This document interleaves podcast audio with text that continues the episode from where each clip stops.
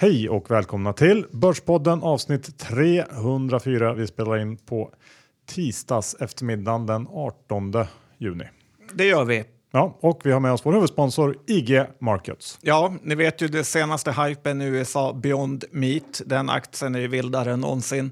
Upp 10% ner 10% och var kan man trada den? Jo, på IG Markets. De erbjuder bara, både kortning, Johan, jag blev lite upphetsad där, ja. och långning. Och jag har sett att IGs kunder har tagit till sig det här bolaget trots att det inte varit eh, noterat länge. Nej, kul. Och du vet ju vad jag hade valt om jag skulle vara tvungen att välja där. Ja, och eh, vill man eh, börja trada så tycker jag man ska signa upp sig på IG så ser man vad de har att ge. Och dessutom en självklarhet är ju Erik Hanséns morgonbrev som många säger är det bästa som finns i branschen. Dessutom helt gratis. Ja, gå in på ig.com och signa upp er helt enkelt.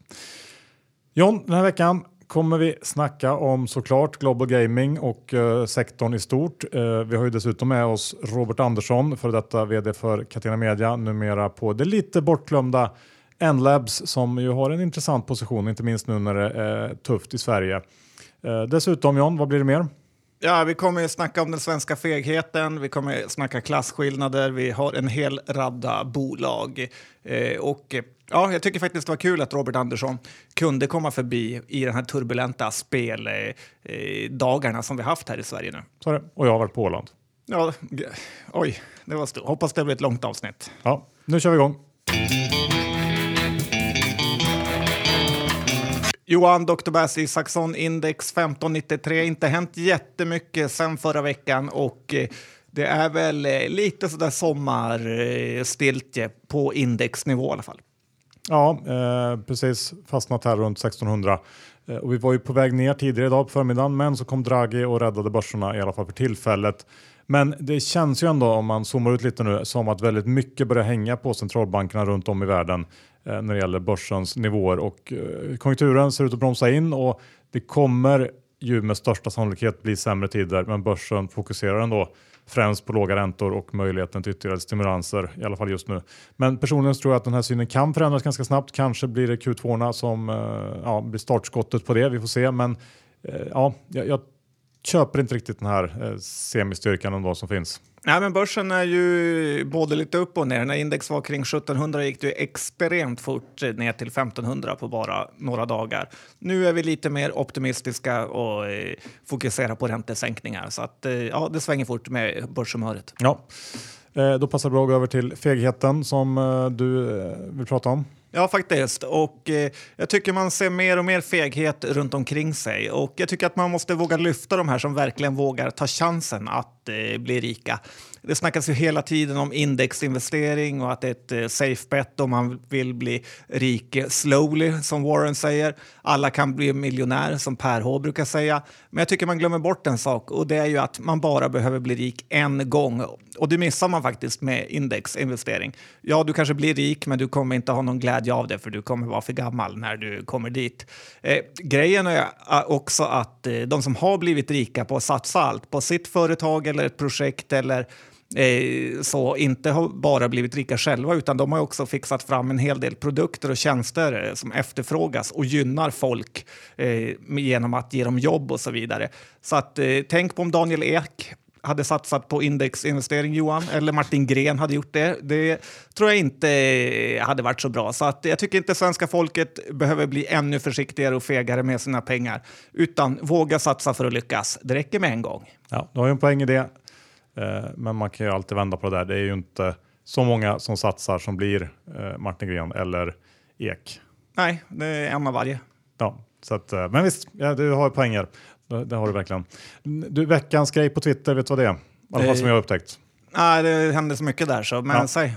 Nej, men det är ju att Per PJ eh, Johansson på Bodenholm har börjat twittra. Ja, det är en liten god sak faktiskt. Ja, men det är ju helt klart värt en följdreken då.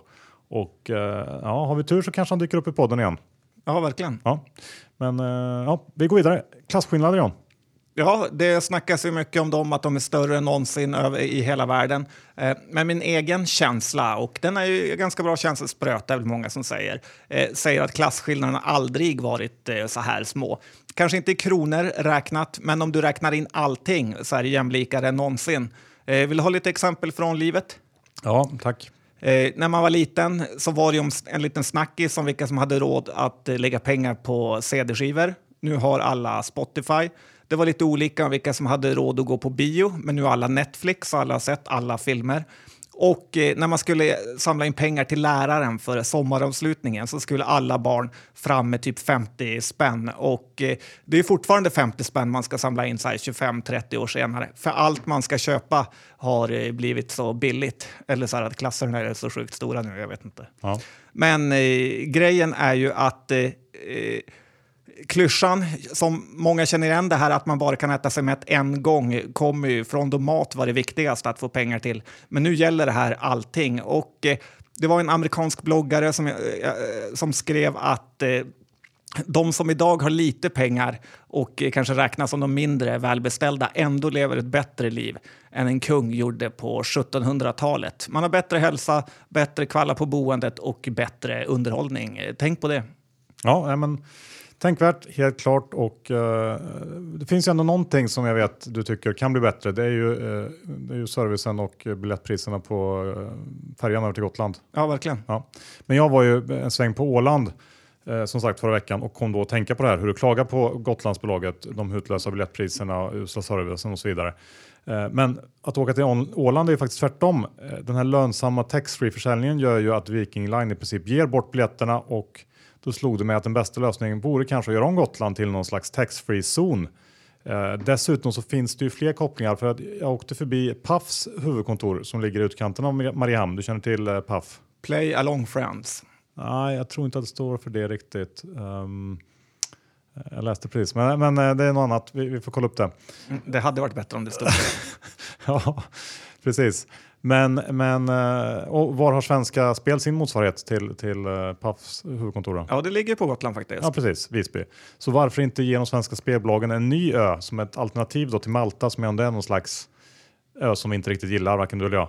Uh, det skulle skapa massor av arbetstillfällen och så kan man ju kröna hela det här med att slänga upp ett monsterkasino i Visby. Vad tror du om det? Ja, det är faktiskt en eh, riktigt bra idé. Dessutom är ju eh, Gotland en av de fattigaste eh, bygderna i hela Sverige så att eh, de hade mer än gärna behövt en liten injektion. Ja, skulle den här folkhögskolan i Visby också kunna starta någon spelutbildning och så? Ja, verkligen. Den ja. behöver ju hottas upp.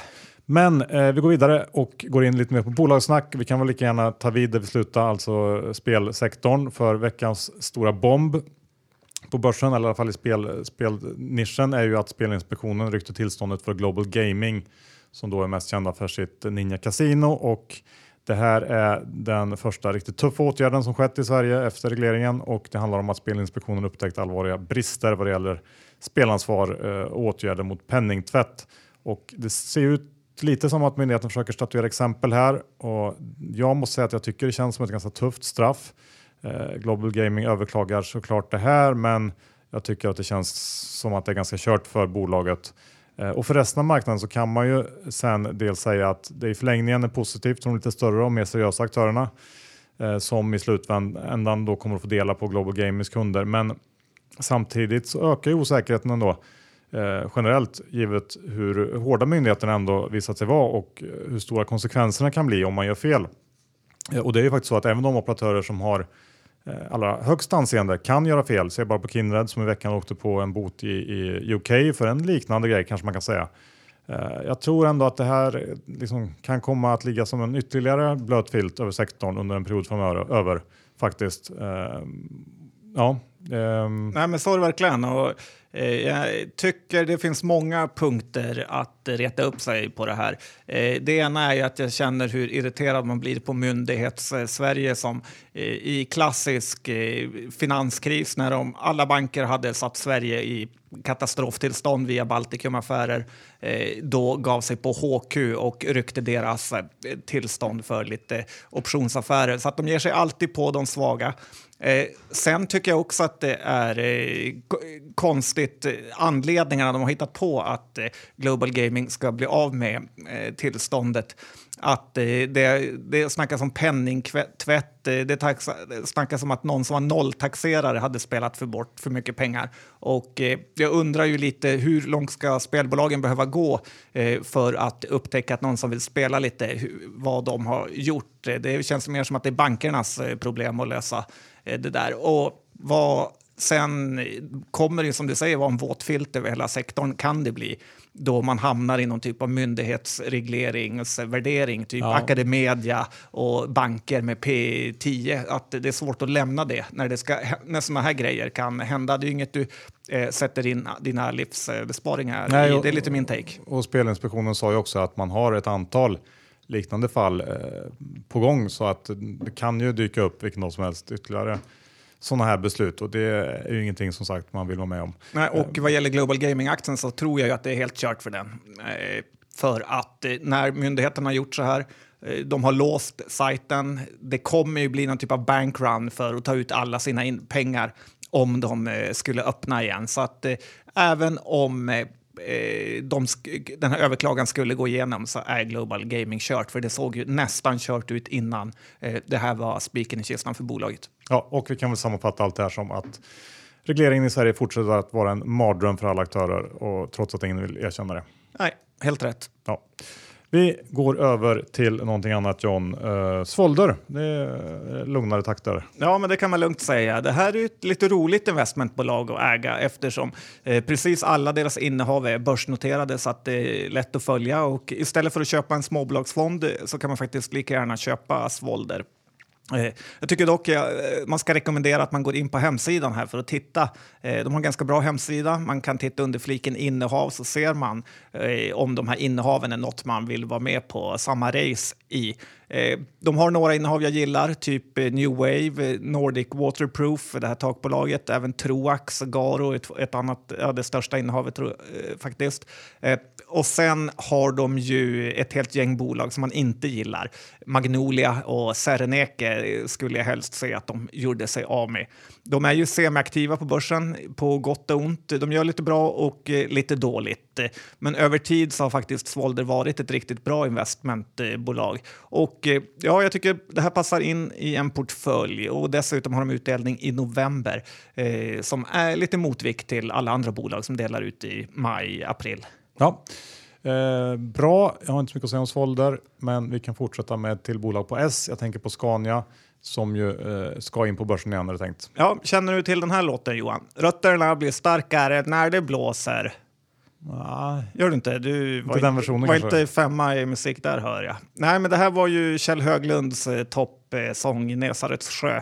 Och eh, jag tycker den är lite på tapeten nu när Scania ska börsnoteras. Eh, eh, man kan ju tro att det är en slump att Sverige har två stora lastbilstillverkare av absoluta världsklass, men det är det inte. För på den gamla goda tiden när de skulle frakta timmer från Norrland eh, på värdelösa vägar i minus 30 så eh, fungerade ju inga andra lastbilar och eh, på så sätt utvecklades några av de mest tåliga och bästa lastbilarna som världen har eh, sett och det tycker jag Sverige kan vara stolta över.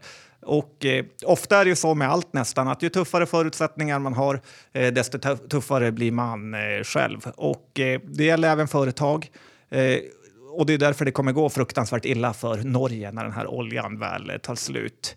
Men det är en annan historia. Ja, du seglar iväg lite där. Ja, faktiskt. vill du höra mer av låten heller? Nej, nu vill jag höra om Scania. Okej, okay. men Tratton säger man va? Är ju det bolaget eller holdingbolaget som Scania och MAN kommer att handlas under och eh, jag tror faktiskt att man ska teckna det här bolaget. Jag såg att AMF eh, tog en påse på 2 miljarder så att det är nog bara att följa med här. Och eh, det gäller både om man är långsiktig och kortsiktiga. Det trista är ju att Scania är ju ett mycket, mycket bättre bolag än MAN eller MAN och eh, det är ännu tristare att Investor sålde bort den här svenska klinog, klinoden. Men eh, nu får man chansen att vara med igen, så att det är bättre att ta den igen. Och det gör ju alltid en liten kick att veta att man äger en del av lastbilarna på våra vägar.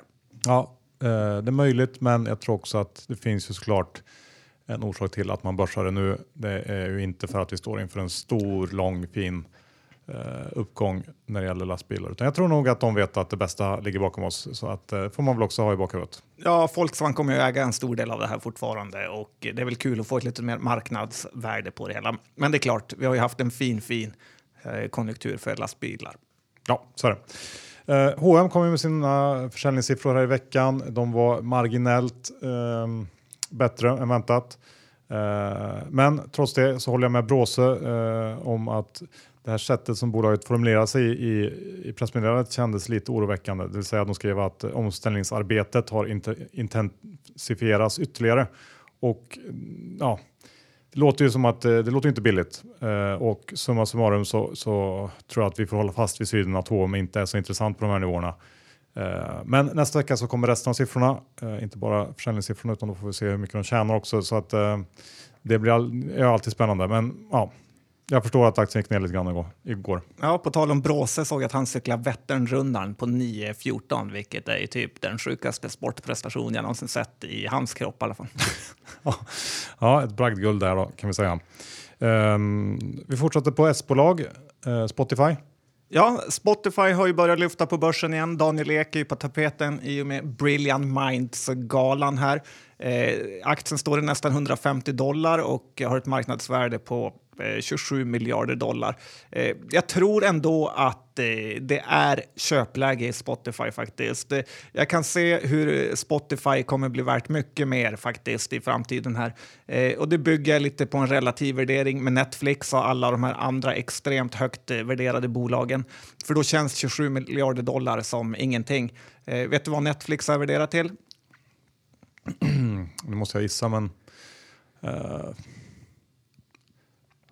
100 plus någonting? Ja, eh, 153 miljarder. Ja. Och eh, det känns som att eh, Spotify har hur mycket tillväxtutrymme som helst egentligen. De kan addera ljudböcker, filmer, det eh, finns faktiskt en hel del ljudböcker där redan. Så att, eh, och de håller också på med musikvideor. Jag vet inte om du har sett det, om man råkar klicka, ja, ibland händer det att man råkar klicka så drar det igång en musikvideo. Och, eh, så att de kan ju även köra det här med bild. Eh, jag tror det är mycket uppsida i Spotify och eh, jag kan inte ge upp eh, Daniel Ek så här tidigt. Okej, okay, ja, får vi följa upp. Vi byter spår helt och går in på ett par miljöbolag. Eh, ska vi börja med eh, Eolus Vind. Ja, men det kan vi göra. Det är ju en liten sån miljöhype där ute, kan inte undgått någon. Eh, och lite brukar det leda till att folk vill placera pengar i de här och då hamnar de i olika etiska fonder och klimatsmarta fonder som bankerna säljer in. Och eh, förvaltarna där bryr sig inte så mycket om vilka bolag de köper utan då trycks de in i bara de som har en så grön stämpel. Och det är möjligt att Evolus eh, är ett sånt, för den fortsätter rakt upp. Den går upp varje dag nu. Eh, jag hade ju rätt mycket aktier, vi pratade om den här när den var nere på 20-lappen. Jag höll den säkert i en krona eller två om jag känner mig själv rätt innan jag sålde. Eh, och eh, ja, Evolus har ju några bra rapporter framför sig här och eh, kommer sälja ut lite parker. Eh, men tar man fram grafen på lite längre sikt så börjar det ju kännas ohållbart. Bolaget skruvar ihop vindkraftverk och det är inte coolare än så. Men man ska komma ihåg att det här är ett bra bolag men som har gått för mycket. Mm, då kanske vi kan ta ett bolag i, inte sektorn kan jag säga, men, men i miljönischen i alla fall som är mindre bra. Ja, och vi måste ju prata lite Minesto här. Den är ju uppe över 20-lappen idag och eh, fick ett investeringsstöd på 12,5 miljoner kronor. Skickade de ut ett pressmeddelande eh, då. Aktien går upp eh, 10 procent. Eh, det innebär att bolagsvärdet stiger med 200 miljoner eh, kronor för att eh, Minesto är redan värt sinnessjuka 2 miljarder. Så att eh, 12 miljoner blir 200 miljoner. Det är den hävstången eh, man skulle vilja ha. Och eh, jag vet inte riktigt vilka jag eh, irriterar mig mest på. EU som eh, ger alla de, de bolaget vräker pengar över Minesto eller eh, de småspararna. För jag såg att över 9000 eh, aktieägare äger eh, Minesto. De säger att de här pengarna som de har fått nu av EU, eh, de fick 140 eller ja, över 100 miljoner här för ett tag sedan. Och de, de pengarna av EU då. Och de här pengarna ska räcka till att bli kassaflödespositiva. Och eh, det är verkligen optimistiskt och de blöder eh, pengar nu. Eh, jag har ju svårt att se hur de här undervattensdrakarna eh, som glider eh, kors och tvärs eh, runt eh, havet på Nordirland och Wales ska lyckas. Jag tittar på den här kapitalmarknadsdag-videon som de hade. Den ligger på deras hemsida, är från 12 juni, så ganska färsk. Och eh, det var väldigt mycket snack om eh, de här pengarna de ska få från offentliga medel eh, kombinerat eh, med ett oändlig rad eh, klyschor om hur starkt team de har och vilka fina patent eh, de fått och tagit. Så här. Men med ett börsvärde på 2,2 miljarder så känns det, i alla fall för mig, som att det kommer bli omöjligt att leva upp till de här förväntningarna på lång sikt. Jag har ju, eh, kommer aldrig någonsin att köpa Minesto. Nej, men det är ju såklart helt på din sida där. Eh, och en, en, en liten grej kring det här med statliga stöd och så vidare. Man får ju också se lite smart på det för att det är såklart så att politikerna vill ju trycka ut så mycket som möjligt nu i den här typen av satsningar för det är ja, rätt enligt opinionen och, och, det ser bra ut. Och då sätter man då av massa pengar för det men det innebär ju sig i sin tur inte att, att det finns projekt som är tillräckligt bra för det här men pengarna ska ut så att att ett, ett bolag som Nesto får ett antal miljoner är ju inte på något sätt en kvalitetsstämpel utan det är ju bara så att de här pengarna ska ut och, och då hamnar de någonstans. Ja, det är nästan så att det är tvärtom, att det inte går att driva det kommersiellt eh, utan de här stödpengarna. Så att eh, därför ska man hålla sig borta. Och att köpa Minesto på att de får ett investeringsstöd på några miljoner är löjligt. Ja, snart eh, är det dags för, för snacket med eh, Robert Andersson på Endlabs. Men John, vi kan väl ta också att dödförklara en hypad bransch. Ja, innan. faktiskt. Rymderan i Sverige är tyvärr död och den dog idag. Eh, Gomespace, som är väl lite grann Labulls signaturbolag, meddelade idag att de måste kicka 30 pers. Och eh, Gomespace har ju relativt nyligen gjort en nyemission och eh, lite är väl det här ett tecken på att bolaget är på väg mot sin egen grav. Eh, I deras Q1 hade de en bruttomarginal, jag säger bruttomarginal Johan, på 1 procent. Eh, det är inte så imponerande va? Nej, det är inte jättebra. Det är svårt att få lönsamhet då. Ja, och eh, det är ju kanske bland det lägsta jag någonsin sett. Det här nanosatelliter behövs ju i världen, eh, men det verkar inte som att världen behöver GoMspace. Och eh, den här uppsägningen av folk tycker jag också indikerar att ja, visst, det är bra att de tar tag i problemen, men det är ju inte någon super efterfrågan vi kommer se de närmsta kvartalen på eh, deras eh, teknik. Och återigen så visar det sig eh, hur ofta det är dåligt att satsa på sån här eh, frontier-teknik på börsen i alla fall. Eh, de bästa bolagen ägs redan av eh, riskkapitalister och rötan får gå till småsparare för att söka efter kapital. Ja, tyvärr är det väl så.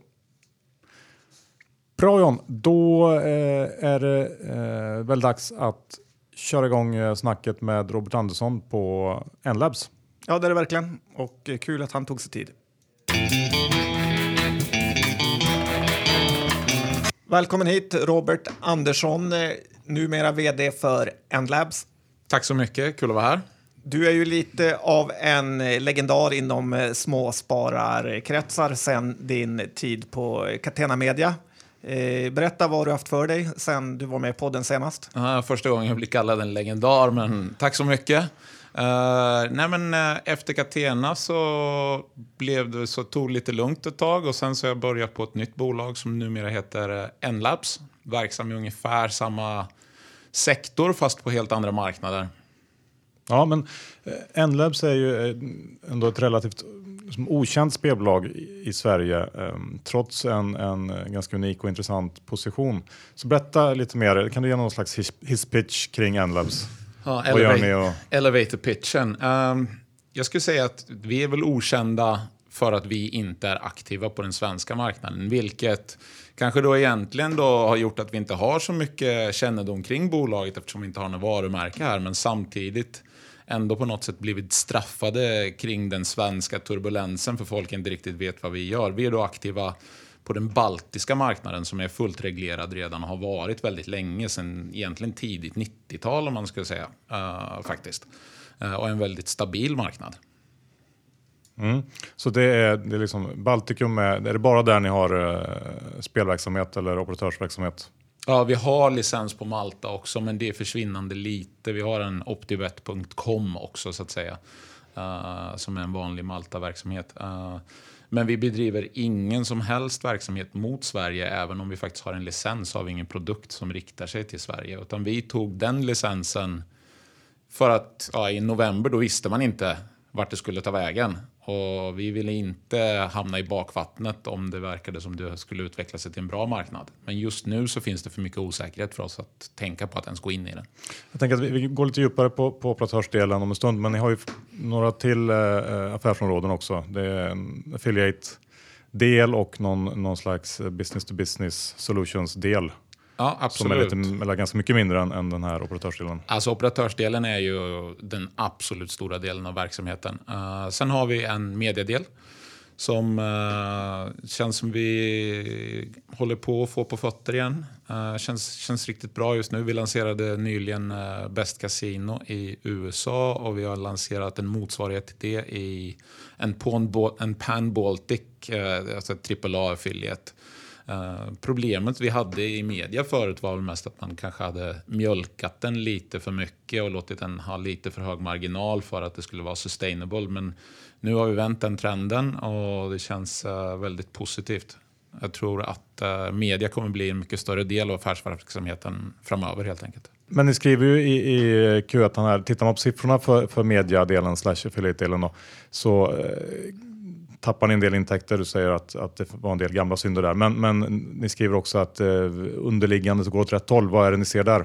Ja, men vi ser ju att uh, vi fortsätter öka våra NDCs, då, New Depositing Clients, och vi ser att uh, revenue börjar komma tillbaka. Uh, så det känns positivt. Du har ju ändå erfarenhet från Catena Media. vad tar du med dig till N-Labs där skulle du säga?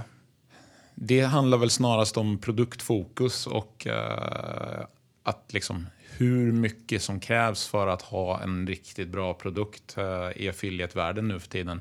Jag skulle säga att när, jag kom in i den för fyra år sedan, då var det mycket, mycket enklare. Det var en gold rush. Nu krävs det faktiskt ganska mycket hårt jobb för att ha en bra affiliate slash mediaverksamhet. Eh, nu har vi byggt upp ett riktigt bra team. De har jobbat sedan i slutet av förra året och vi börjar se att det verkligen ger resultat. Mm. Och sen den här eh, solutions-delen då, eh, som är ännu lite mindre än, än eh, mediadelen. Vad, vad är det ni gör där? Alltså solutions-delen det är vårat, eh, våran joker i leken kan man väl säga. Vi har en eh, scoringtjänst som heter Score24 som i stort sett har eh, en scorefeed som eh, används av till exempel eh, Sveriges Radio och olika mediehus här som bara levererar i massa olika sporter. En, en, en live-feed på scores helt enkelt. Typ text-tv 377? Ja, typ. Fast ganska mycket mer avancerad.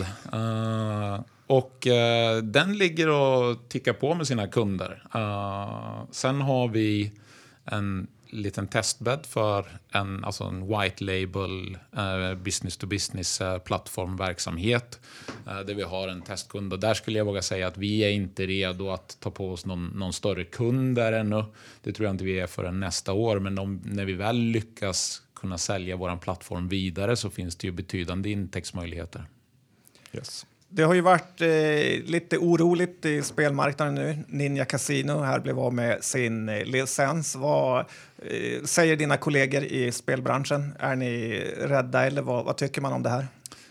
Ja, alltså vad kollegorna tycker och tänker, eh, det vet jag inte. Men det är såklart, det blir ju väldigt turbulent och det är ju inte bra för branschen i helhet om man ser på liksom sentimentet i marknaden för att investera i spelbolag till exempel så blir ju det ganska lågt när det blir turbulent och många frågetecken kring kan det hända några andra etc.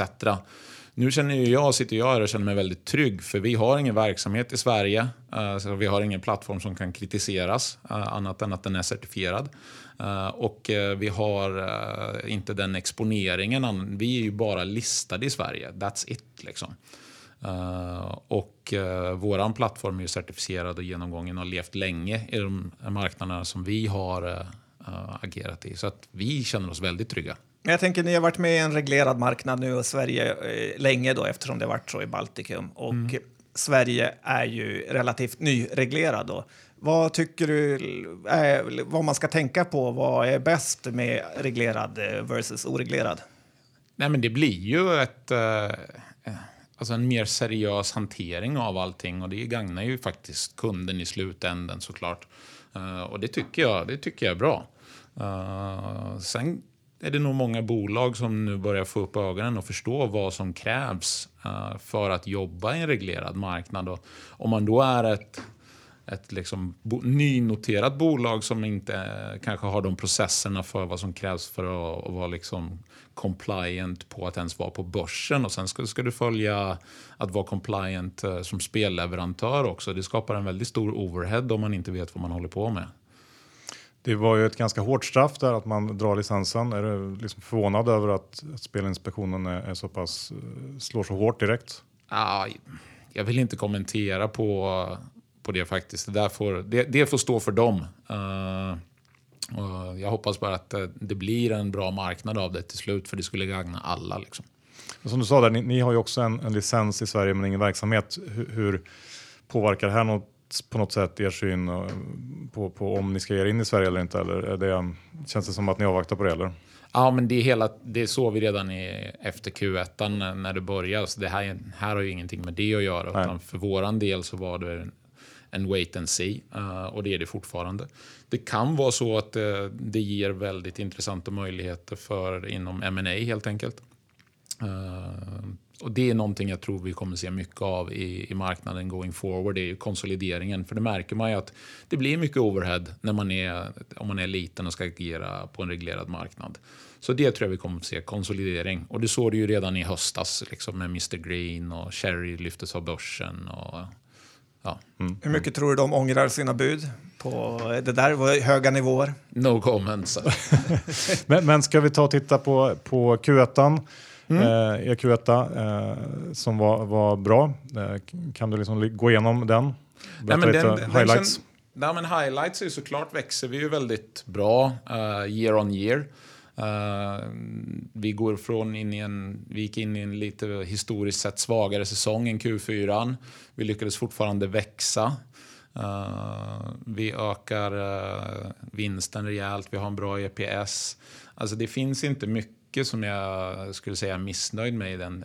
Media skulle levererat mera revenue och vinst. Men å andra sidan så visste vi att vi tog de investeringarna för att det ska se bra ut sen.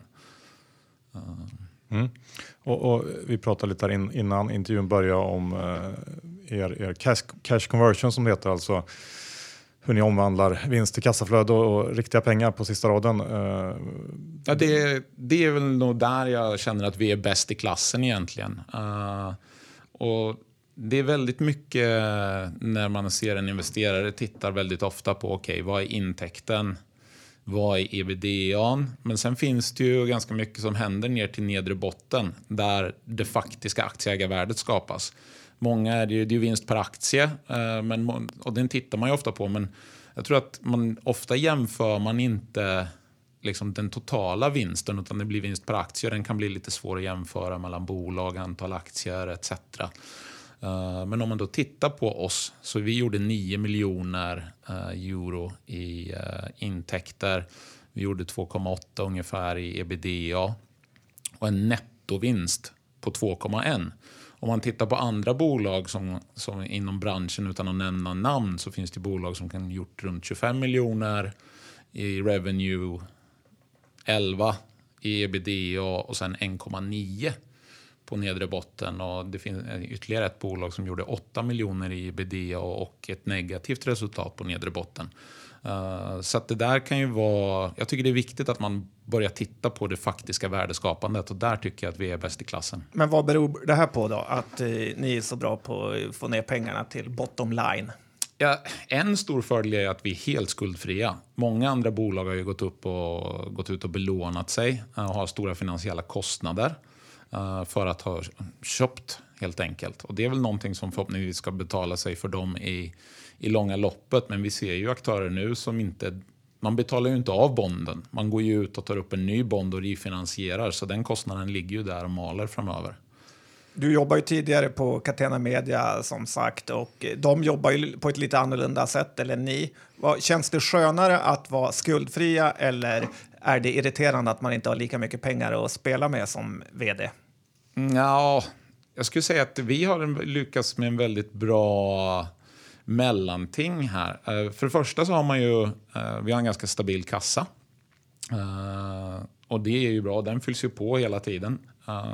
Men sen har vi ett väldigt stort mandat att späda bolaget och kanske då göra en riktad nyemission istället till några nyckelinvesterare för att ta in pengar så att man inte hamnar i en position där väldigt mycket av vinsten äts upp i finansiella kostnader helt enkelt.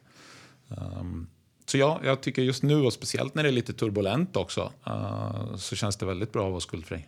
Jag tänkte en annan grej är att ni är ju inriktade på Baltikum såklart, men mm. även Beyond Baltikum är en Precis. av era slogan. För jag tänker det går inte att växa. Det är små länder, alla de här baltiska egentligen. Tutti Balutti är de väl nästan mindre än Sverige eh, sammanräknat, ja. eller däromkring i alla fall. Eh, så vad, hur ser tillväxtplanerna när ni har tagit det här?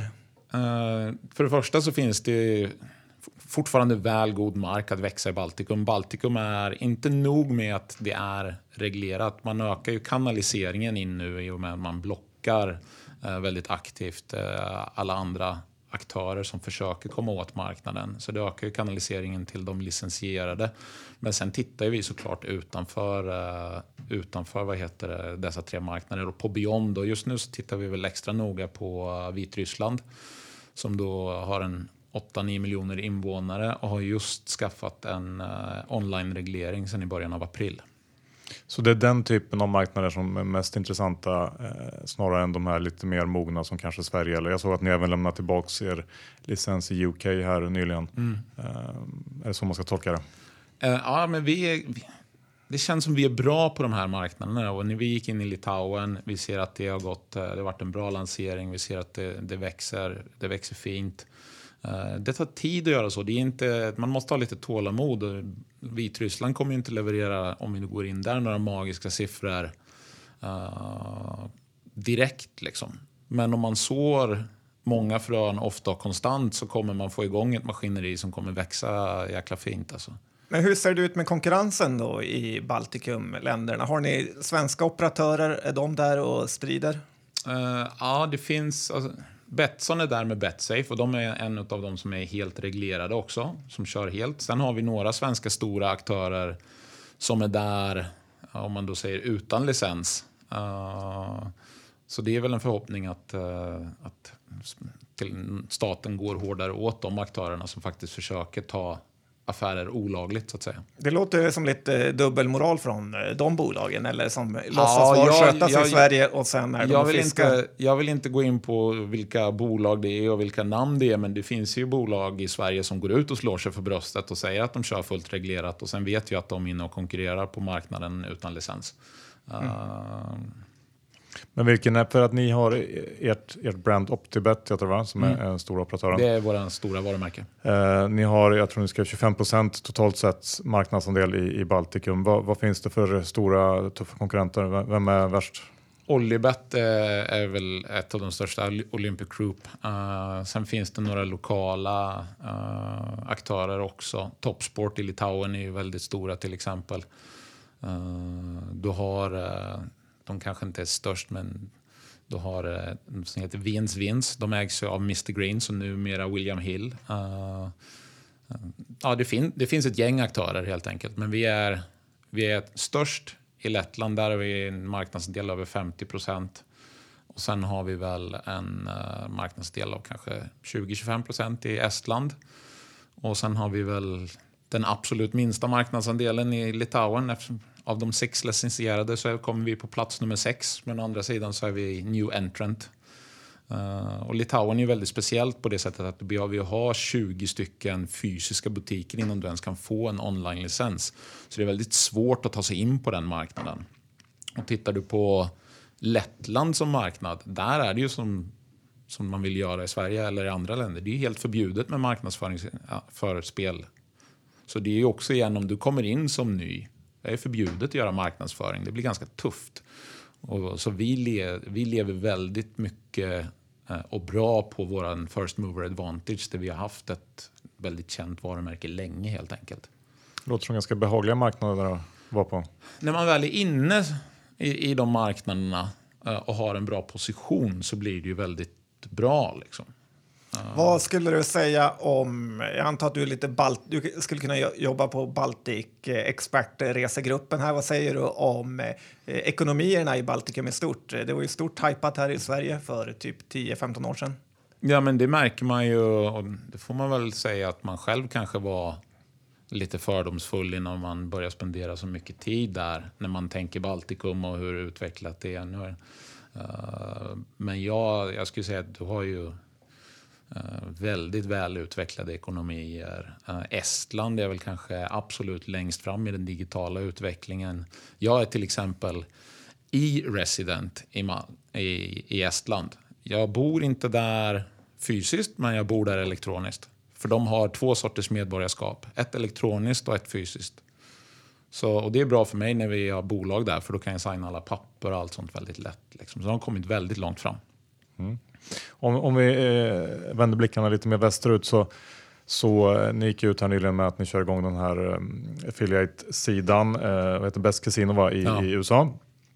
Eh, hur, hur, ser du på USA nu? Va, det var ju mycket fokus på USA under hösten och, och sådär. Eh, varit lite kanske lugnare i media nu, men hur, hur ser du på utvecklingen där? Ja, men jag, jag, ser det som vi säger, att vi vill jobba på emerging regulated market. Så det är väl definition, USA är ju faktiskt det. Uh, om man jobbar på dem när staterna öppnar upp så blir det ju en emerging market. Um, och för oss med Best Casino uh, så kändes det ganska naturligt att vi skulle vara där. Det är en så pass stark domän. Uh, den rankar väldigt, väldigt väl om du googlar Best Casino.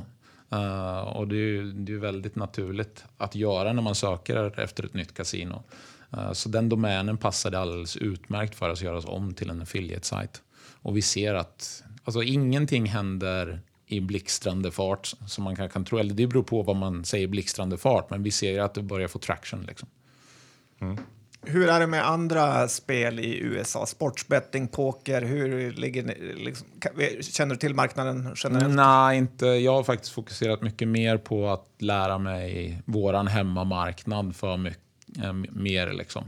Uh, det känns mer relevant. Baltikum är fortfarande vårt hem. Uh, att gå in i USA med Best Casino var en uh, en bonus. Nu har vi använt samma plattform för att också bygga en Pan Baltic uh, affiliate med samma kvalitet. Liksom.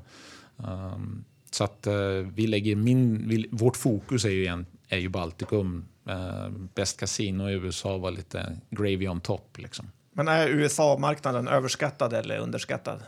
Jag lutar åt att den är lite överskattad. Svårt för mig att kommentera uh, just nu. Vi får väl se hur det går helt enkelt. Ja, det är det bästa. Men ja. det, är inte, det är inte min strategi.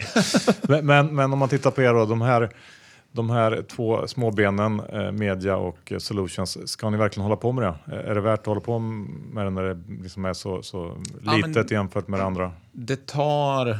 De är, de är två ändå ganska liksom, självgående ben inom uh, bolaget. Även om vi nu, i och med att vi har gått från att vara Nordic Leisure där de egentligen var massa småbolag till vi har ett, ett bolag med tre vertikaler så är det ju faktiskt så att vi använder ju våra egna tjänster inom bolaget också. Och sen är ju det här att ha skapat de här vertikalerna är ju för att också kunna sälja dem utåt. Uh, helt enkelt. Men det här eh, namnet då, Endlabs, vad står det för? Eller vad betyder det? Ja, det var väl egentligen... Ja, nu står det för. Uh, och skulle vilja känna att det är, en, det, är en, det är en ganska ordentlig efterkonstruktion alltihop. Uh, bolaget hette Nordic Leisure förut. Uh, och vi kände att vi var tvungna att, att liksom modernis modernisera hela, hela liksom employer branding och vår corporate identity. Uh, och sen hade vi då en, vi har en share ticker som heter NLAB. Uh, och folk börjar, när de pratar med mig, bara men NLab, NLab, NLab, NLab. Och jag bara, hmm, NLab säger ju folk redan. Liksom. Okej, okay, vad kan det då stå för? Och så börjar man jobba därifrån. Uh, så blev det Entertainment Laboratories av det. Ja. Det var ju fyndigt av dig. Ja. ja. det var nog inte, ska inte jag ta åt mig äran för, det var fler som jobbade med det. Jag tänker en sak, det är ändå kul att höra med någon som är mitt i. Hur tror du spelmarknaden ser ut om eh, fem år och vilka är vinnarna och vilka är förlorarna? Uh, vi är absolut en av vinnarna. Uh, det är jag övertygad om, annars hade jag inte velat göra det här jobbet. Uh, sen vi, vinnare på vilken marknad etc. Det är ju också en, en fråga. Liksom.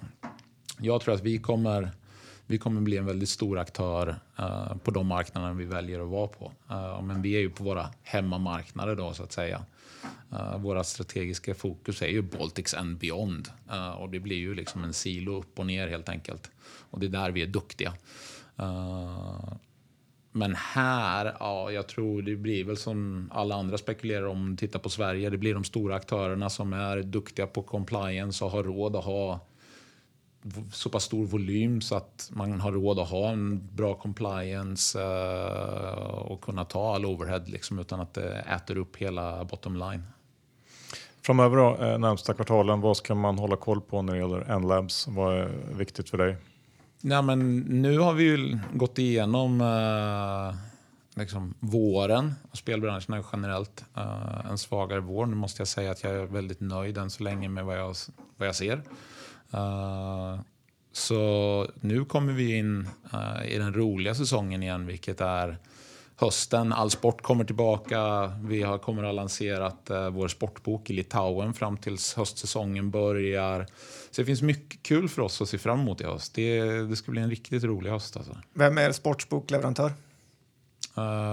Det är vår egen. Det är väl någonting också som man kan behöver belysa här, att vi har vår egen, vi har vår egen teknik. Eh, så uh, vi har byggt vår egen sportsbok och nu håller vi då på... Vi byggde en ny plattform. Den lanserade vi väl ordentligt i Litauen först i, när vi lanserade först Ido i Litauen. Och nu har vi byggt, uh, sport, byggt en ny sportbok som jackar in i den här. och den kommer vi lansera nu i Litauen under sommaren. Och det gör ju då att vi har en komplett version av den nya plattformen så att säga. Och den anledningen till att vi gjorde det i Litauen är ju att är en ny marknad då ökar volymen för att, så att vi märker att den kan prestera hela vägen. Och, och så. Sen kommer vi ju börja flytta över alla våra produkter till den plattformen. Uh, och då, det kommer ge väldigt stora skalfördelar för oss också. Men det, ni valde inte Kambi då, som är väl lite hypat här på börsen, utan ni startade en egen sportsbok. Var, fanns det någon tanke med det? Nej, men för oss handlar det om att eh, äga vår egen teknik, äga vår egen framtid. Och sen när man väl orkar göra allt det här eh, och ha tålamod så leder det ju till långsiktigt högre marginaler. Och det är någonting som jag kanske är mest imponerad över hur det här bolaget har drivits innan. Man har inte tagit de där shortcutsen som har gjort att kanske vi jackar in en ny plattform direkt så vi liksom kan ta den och, eh, och komma igång. Utan man har låtit det våga ta lite tid. Och det har ju lett till en situation där vi växer liksom organiskt 30-40% per år med marginaler runt 30 eh, det är väldigt få bolag som lyckas med det. Eh, och det har nog att göra med att man har haft ett tålamod att våga ta riktigt bra strategiska beslut innan den här live-casino-trenden då? Både jag och Johan har varit lite kritiska till Evolution Gaming och värderingen. Eh, har, vad, hur ser du på den? Alltså jag kan ju inte säga någonting om värderingen. Däremot så ser ju vi att eh, live-casino blir en viktigare och viktigare del av utbudet. Och det kommer man märka att det är någonting vi kommer satsa på att tillhandahålla uh, mer och mer framöver också. Men kör ni egen eller köper ni in den? Nej, den köper vi in. Från Evolution? Uh, inte just nu. Bra. Bra säger Johan, nöjd. Och eh, avslutningsvis så sa du i, samband med, eller i Q1 att, att Q2 hade börjat väldigt bra. Hur, hur känns det nu när vi har en bit längre in i, i Q2? Ja, jag kan ju inte kommentera för mycket såklart, men jag är faktiskt, uh, jag är faktiskt väldigt nöjd hittills i alla fall. Uh, och sen får vi se. Det är inte, månaden är inte slut ännu, men än så länge är jag nöjd. När, när kommer Q2? Q2 presenteras den 7 augusti. Okej, då får vi helt enkelt eh, vänta tills dess och hålla ögonen öppna då. Absolut. Ja, tack Robert för att du kom till Börspodden. Lycka tack till. för att jag fick komma. Sådär, tack för det Robert. Intressant att uh, höra uh, hans betraktelser lite från sidan om och uh, Baltikum verkar ju vara en ja, trevlig marknad att vara på just nu. Ja, även kul att höra om de andra bolagen i branschen. Ja, vi ska också tacka vår huvudsponsor IG Markets. Ja, ni kan trada Beyond Meat, ni kan trada bitcoin, ni kan trada det som går att tradas på IG och dessutom signa upp er på Erik Hansens morgonbrev. Eh, du lär dig alltid något, det har vi gjort. Ja, och eh, då är det bara innehavsredovisningen kvar. Hur ser det ut för dig? Idag har jag ingenting Johan. Inte ens eh, Spotify som jag har pratat om. Kanske teckna lite Scania. Ja, jag har inte heller någonting. Bra, men då tackar vi för oss och hörs om igen. Hej då!